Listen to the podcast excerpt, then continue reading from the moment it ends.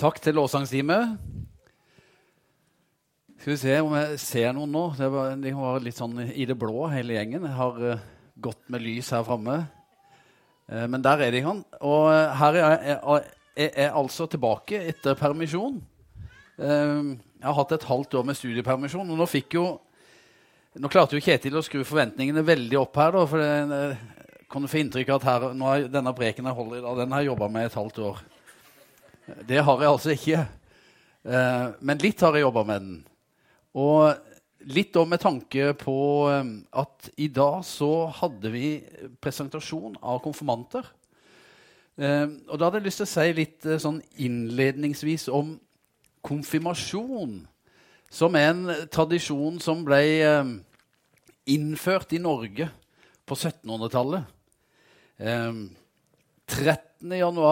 13.1.1736 så ble det obligatorisk for alle med konfirmasjon. Og da var det sånn eh, den gangen at eh, på konfirmasjonsdagen så foretok da presten en sånn muntlig høring eller overhøring av eh, konfirmantene. Skulle teste dem litt i kristendomskunnskapen, da. Eh, og det var, det var, faktisk så strengt eh, for eh, langt tilbake at hvis en ikke hadde møtt til konfirmasjonen innen en fylte 19 år, så kunne en bli straffa med tukthus eller gapestokk. Sånn er det ikke i dag.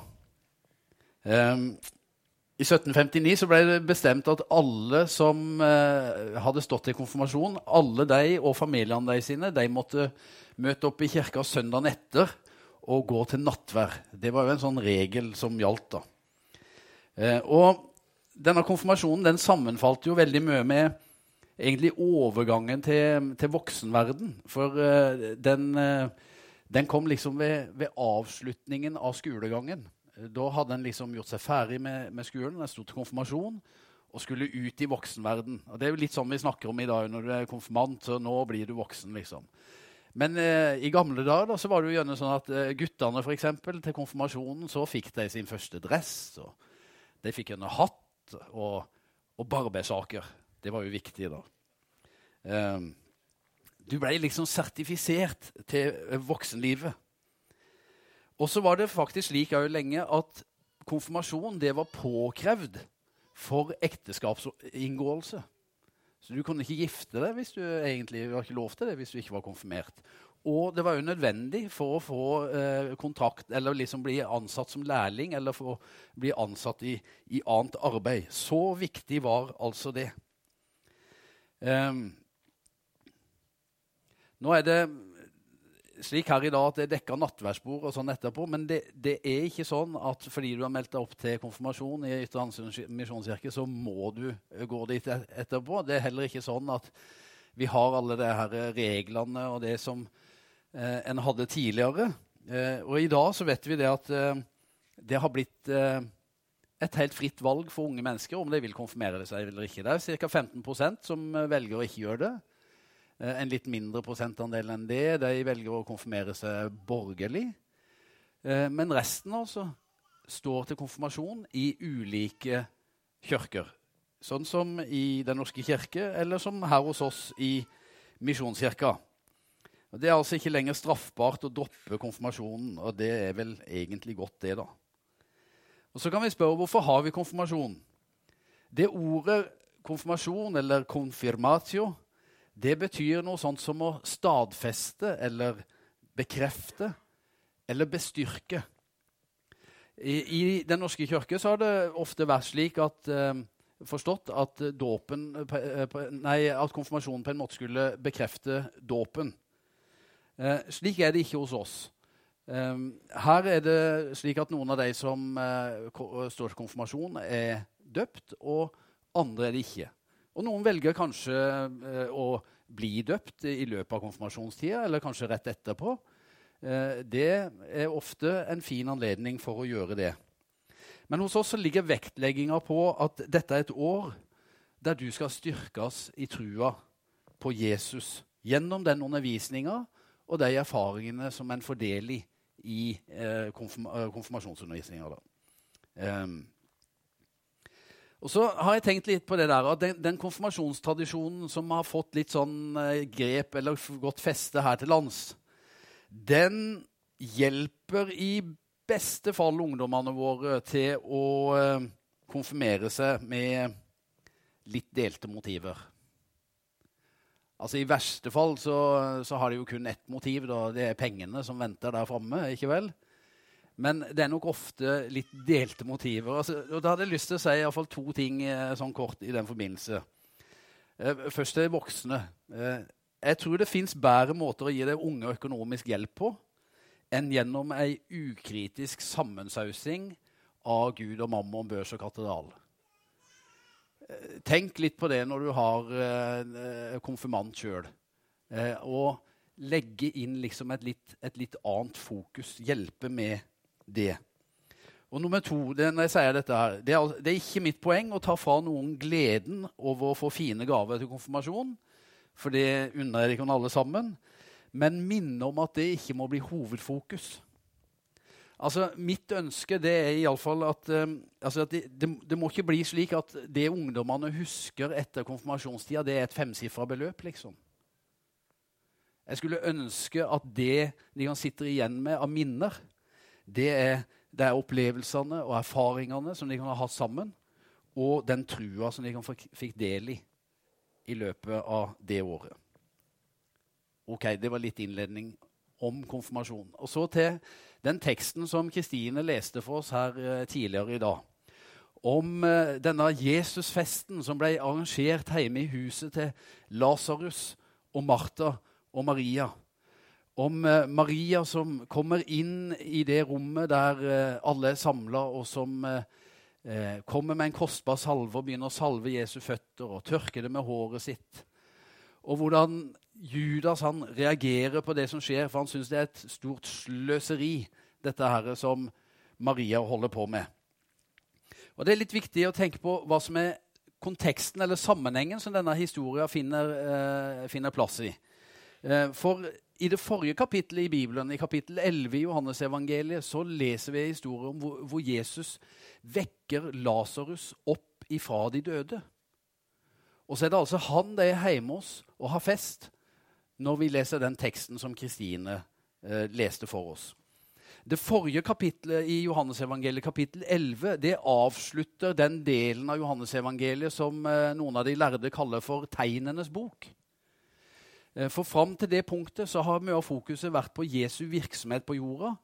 Og Johannes han har konsentrert seg om å fortelle om sju tegn som Jesus gjorde. Deriblant dette med at han gjorde vann til vin og metta 5000 ved hjelp av fem brød og to fisker. og eh, At han helbreda den spedalske ved Betestadammen. At han eh, ga den blindfødte synet tilbake. Og så har Johannes sju sånne tegn som han forteller om. Og det kulminerer med denne her oppreisningen av Lasarus ifra de døde. Selvfølgelig gjorde Jesus mange flere tegn enn det. Men eh, Johannes han konsentrerer seg om de sju. Eh, kanskje fordi sju liksom er fullkommenhetens tall. Og så tenker han det er nok til å få fram at Jesus Kristus han er Guds sønn. Han er den som han virkelig utga seg for å være. Og så Når vi da kommer over i kapittel 12, som vi leste ifra, så er det et sånn slags overgangskapittel. Da drar Johannes oss med videre inn i fortellinga om Jesus og inn i den fortellinga som konsentrerer seg om den siste veka Jesus levde her på jorda. Altså fram til korsfestelsen og oppstandelsen. da. Eh. Og akkurat der hvor vi leste teksten, at de er samla til fest i Betania så vet vi det at lederne i Israel de hadde begynt å legge planer for å drepe Jesus. Det var ganske alvorlige trusler som hang over Jesus etter det som hadde skjedd. Altså når, når Jesus hadde vakt opp Lasarus fra de døde, så, så, tenkte de at dette som skjer her rundt denne mannen, det er farlig for oss. Vi må sette en stopper for han. Dette fenomenet Jesus det må vi få en slutt på. Og så eh, ligger den trusselen der i lufta. Og Det er egentlig på et vis litt sånn overraskende at Jesus nå faktisk våger seg tilbake til, til Betania. For det er, satt, det er, jo satt, en pris på hodet hans sitt. Folk er ute etter han og vil ta livet av han. Men jeg tror at her så, så, eh, er det sånn at Jesu ønske om å være med sine venner det trumfer alt annet. Altså, han er villig til å gå all in for vennene sine, så han trosser de truslene. Han er tilbake i Betania og til denne festen som, som det har blitt invitert til. Um, og, og, der er de altså samla for å feire Jesus.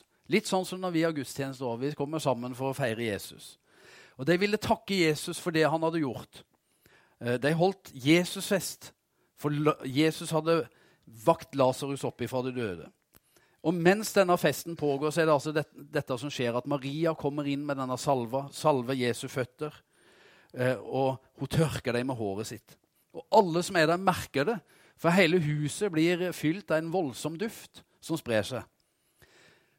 Og så er det noe med den handlingen som Maria gjør, som er veldig uortodoks og på mange måter ureglementert.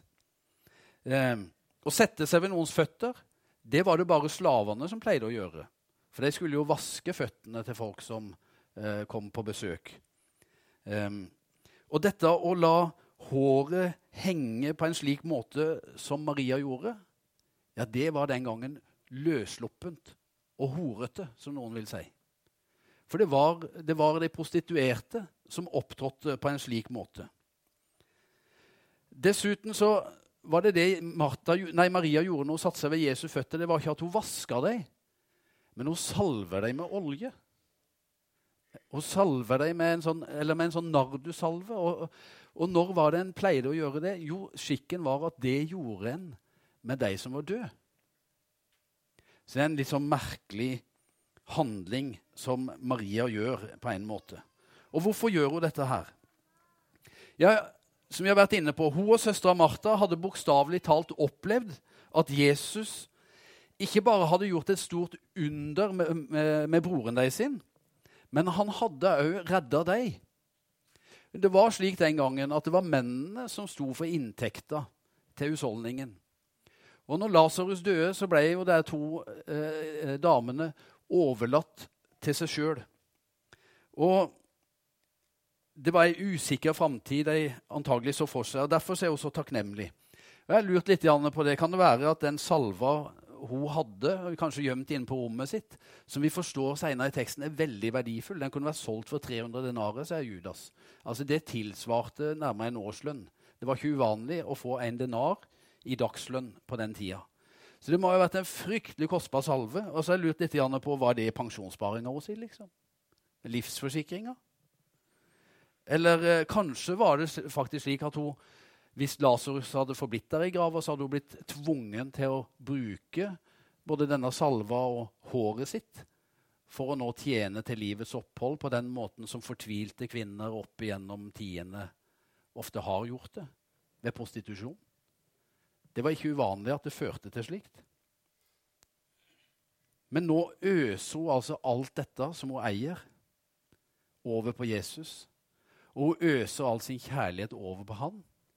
For hun har oppdaga at i han så har jeg langt mer enn noen livsforsikring eller noen pensjonsforsikring noen gang kan gi meg. I han har jeg en trygghet og en sikkerhet som jeg ikke kan finne noe annet sted, som heller ikke min bror Lasarus kan gi meg. Og så er hun så uendelig takknemlig. Og Hun faller ned for Jesu føtter der, og jeg tror hun glemmer helt eh, omgivelsene. Alle andre. Hun glemmer åssen hun tar seg ut. Hun glemmer hva alle andre tenker for noe. Hun er liksom bare opptatt med og oppslukt av Jesus. Det er liksom fokuset hos sitt. Men akkurat som eh, det vi var litt inne på med konfirmasjonen, at han har delte motiver for å gjøre noe Jeg tror På den festen her, Jesusfesten her, så var det også delte motiver blant de som var til stede. Og Judas, som vi hører om litt senere, han tenkte at uh, måten denne salva ble brukt på, det var et sløseri. Altså Her snakker vi om i dagens summer kanskje et par hundre tusen kroner eller mer, liksom, som blir uh, brukt opp der i, uh, inne på en fest. Det var voldsomt til sløseri. Pengene kunne jo vært gitt til de fattige, tenker Judas. I stedet blir det altså sløst på Jesus. Men Jesus han sier da, la henne være. Hun har spart salven til den dagen jeg skal begraves. Altså Sagt med andre ord så sier Jesus til Judas.: Slutt å plage denne kvinnen. Hun er den eneste her blant dere som virkelig forstår.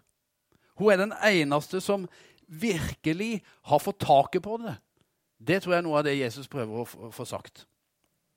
Mens Judas derimot, det kan virke som at han sitter fast i et annet problem, hans kjærlighet til pengene.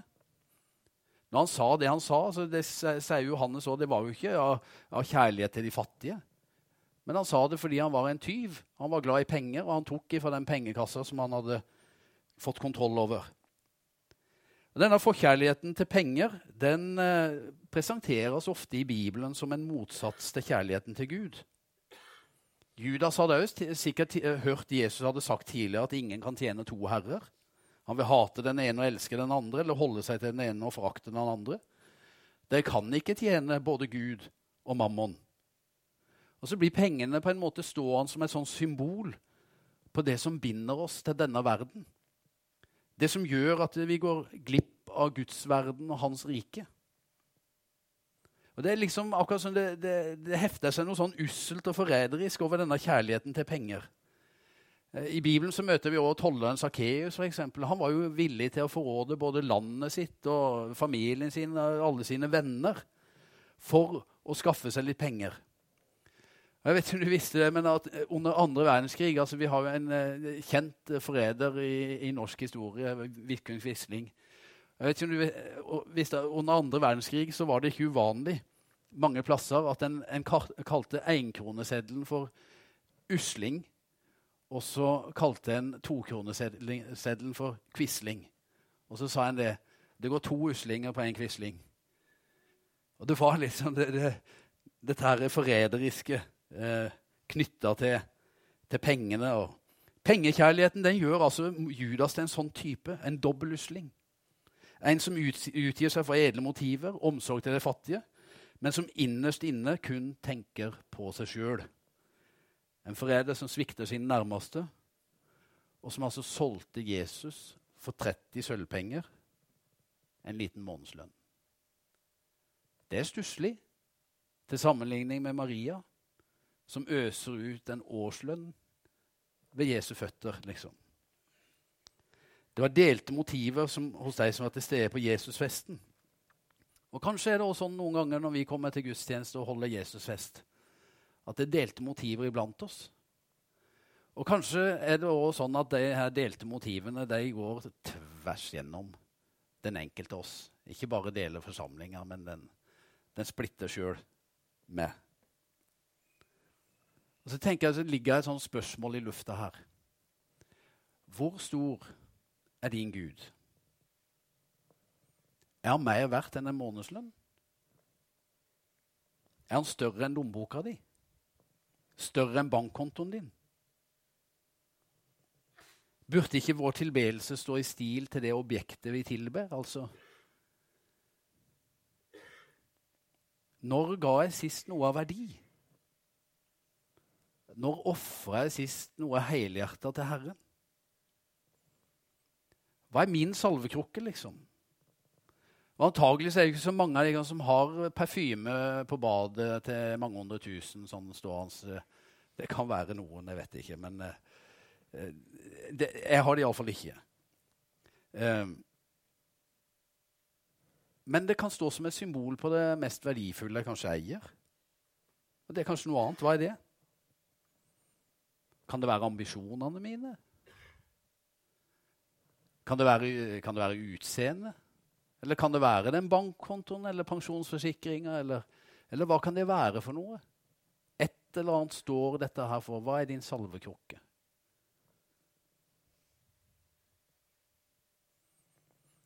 Vil du vurdere å ofre den? Tørre å gi den? Eller blir det for radikalt, liksom? Jeg kan det ikke brukes på en litt mer fornuftig måte, da? Jeg har noen gode venner av oss. Dattera sto til konfirmasjon her for ikke så veldig lenge siden. Hun hadde bestemt seg for å gi vekk et ganske stort beløp av det hun fikk, til trafficking-ofre. Det hadde hun liksom bare fått, fått, for seg. Og så ville noen foreldre kanskje fort tenke men litt vel radikalt, det, da. Hadde det ikke vært bedre om de pengene liksom ble spart og brukt på utdannelse og noe fornuftig, liksom? Ja, mon det. Kanskje var det et godt valg, egentlig, hun gjorde. Judas han sier no, jo noe i retning av det. Han Dropp denne spontane rausheten. La oss nå tenke oss litt om. Og Blir vi ikke ofte fanga inn litt av det? Og, og, kanskje noen av de litt sånn småforræderiske spørsmåla. Liksom. Ja, men hold nå litt igjen, da. Vær litt forsiktig. Ta ikke helt av. Maria hun tenker annerledes. Hun tenker nå har jeg sjansen til å vise takknemlighet for alt det Jesus har gjort. Og så gir hun på. Nå har jeg muligheten til å øse av det gode jeg har. Jeg har virkelig opplevd at Gud har hjulpet meg. Eh, og det er ingenting som er for stort til å ofre til Han. Jeg kan gi Han alt. Ofre alt til Han. Og så er det en viktig ting å skyte inn her, for når vi utfordrer hverandre på det å gi alt til Jesus og overlate alt i hans hender, så er det jo ikke fordi at Gud trenger dine største verdier. Han har ikke bruk for det, han. Eller han trenger ikke det. Han klarer seg veldig godt uten. Men du trenger at han får bli din største verdi. Det er vi som trenger det. Du trenger å plassere alle dine verdier innunder hans herredømme, innunder en større hensikt, og ikke bare oppbevare det for deg sjøl. For først da blir du fri. Men Det er jo et sånt spørsmål som henger i lufta ut fra denne teksten. Henger du fast i pengeskrinet, eller knuser du salvekrukka? At det er først når vi legger alt ved Jesu føtter, at vi får kontakt med det virkelige livet. Jeg vet om en plass hvor folk virkelig gir alt. Og er opptatt av det. Gi alt. Det fins ett sted hvor det er mer uttalt enn noen annen plass. Vet du hvor det er henne? Idrettsarenaen, ja. Helt riktig. På fotballbanen og håndballbanen og nå i helga når det er på Dyreparkcup og alt sånt, så sier vi til ungene våre Gå på! Gi alt du har! Kjør på! Ikke hold igjen, liksom. Kom igjen. Det er kanskje ikke like vanlig å høre i kirka lenger. Kanskje heller litt mer reserverte. Pass på at du ikke tar av. Pass på at det ikke blir for mye, liksom. Ta vare på deg sjøl. Du må ikke gå for langt i din overgivelse. Vær litt forsiktig. Vi er kanskje ganske gode til å formidle det. På fredag kveld så ble jeg sittende og zappe på TV. Det er jo en dum ting. Men så um, kom jeg over en sånn kanal som jeg, jeg, tror jeg nesten aldri ser på. Men der var det, der var det VM i dødsing. Har dere sett det? Martin han gikk ut nå, men han har sikkert vært med på noe sånt. Det skulle jeg ikke forundre meg. Så I Frognerbadet, vet du, det er som hiver seg ut fra timeteren eller det er for noe, og ligger bare sånn ute i lufta med noen uh, rare hopp og kapteinen Jeg vet ikke hva de kaller alle det her uh, hoppa. Og så er det, så er det ja, ned og nesten mageplask, men jeg tror de henter seg inn akkurat i siste liter. Men de kaller det dødsing. da. Det handler jo om å gå all in. Satse maks, liksom. Jeg, om, uh, altså, jeg vet ikke om du vet om det, men vi driver med dødsing i kirka òg. Vi bare kaller det noe annet. Dåp. Så du skjønner, Når vi hiver oss ut i det vannet der, det handler egentlig bare om å satse alt. Det er å gå all in. Ikke holde noe tilbake. Når Maria salver Jesu føtter, så går hun all in. Hun sier til Jesus at 'Jesus, jeg vet bare at du, du er det du er det beste kortet jeg kan ha på hånda. Det fins ikke noe bedre. Jeg går all in. Jeg vet ikke om du har sett sånne pokerspillere, men det er bare her er hele potten min. Salvekrukka, alt sammen. Jeg holdt på å si i bilen og hytta og, eller alt det her. Herre Jesus, jeg går all in. For jeg tror at det er sant at du er den som du sier det å være. At du er, som du sa til meg, før bror min ble vakt opp ifra de døde, for det hadde hun opplevd. At du er oppstandelsen, og du er livet. Jeg tror på det, Herre. Jeg bekjenner meg til det. Jeg går all in. Det er en kar som heter, heter Matthew Knowles. Han gjorde det langt bedre enn det som var vanlig for uh, afroamerikanere flest. Han hadde suksess i arbeidslivet, ei god millionlønn, men en dag så gikk han inn på kontoret til sjefen, og så sa han at han ville slutte. Og Årsaken til at han ville slutte i jobben, det var at han ville følge opp karrieren til dattera, som var med i en sanggruppe. De fleste trodde han hadde gått for vettet. da. Og Det var for så vidt et vanskelig valg. Men som han sa Jeg trodde virkelig på disse damene. Og hvem er det vi snakker om? Jo, gruppa het Destiny's Child, og dattera het Beyoncé. Han trodde så på dem at han var villig til å gå all in.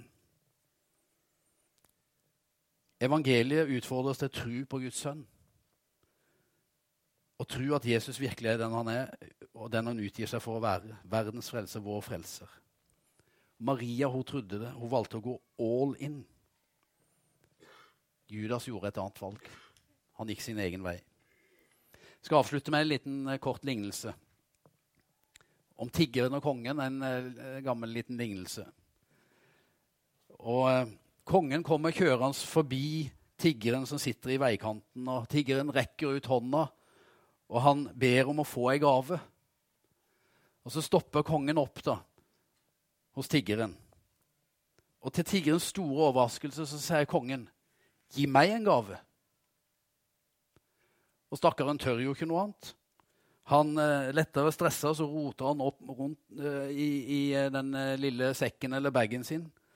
Og så og så finner han fram noe av det lille han har samla inn i løpet av en lang dag. Og han finner fram det minste kornet han kan finne. For mer kan en vel ikke forvente en stakkars tigger. Og så gir han det til kongen. På kvelden når tiggeren kommer hjem, så gjør han som han pleier å gjøre. Han tømmer posens innhold utover for å se hva det har blitt til i løpet av dagen i, dag, eh, i løpet av den dagen. Og da, til sin store overraskelse, så får han se noe som blinker og skinner der blant alt det andre han har funnet. Og han gjenkjenner det. Og så sier han, men, men er ikke det det lille kornet jeg ga til kongen? Jo, det er det. Bare at nå så er det forvandla til et lite gullkorn. Og Da utroper tiggeren, å nei, å nei. Hadde jeg bare gitt kongen alt, da ville jeg ikke lenger vært en tiger. Mange av oss lever så fattige åndsliv. For vi har ikke gitt kongen alt. Og Der ligger utfordringen i dag. Herre, ditt ord det utfordrer oss. Men ditt ord det gir oss så rikelig med trøst. Herre, hjelp oss å tro at du er den som du virkelig utgir deg for å være. Og hjelp oss å våge å satse alt på det. Og vite det at Herre, når jeg gir deg alt det mitt som jeg opplever at måtte være av verdi, så tar du òg imot alt det andre. Du vil ikke bare være herre over mine eiendeler, men du vil òg være herre over mine sorger, herre over mine bekymringer, Herre over min synd, Herre over mine svakheter. Du tar imot alt, Herre. Og når jeg gir deg alt, Herre, så blir du alt mitt. Da blir du min og min framtid. Og ingen forsikring er bedre enn det. Hjelp oss, Herre, å våge å ta det radikale valget og legge alt for dine føtter. Amen.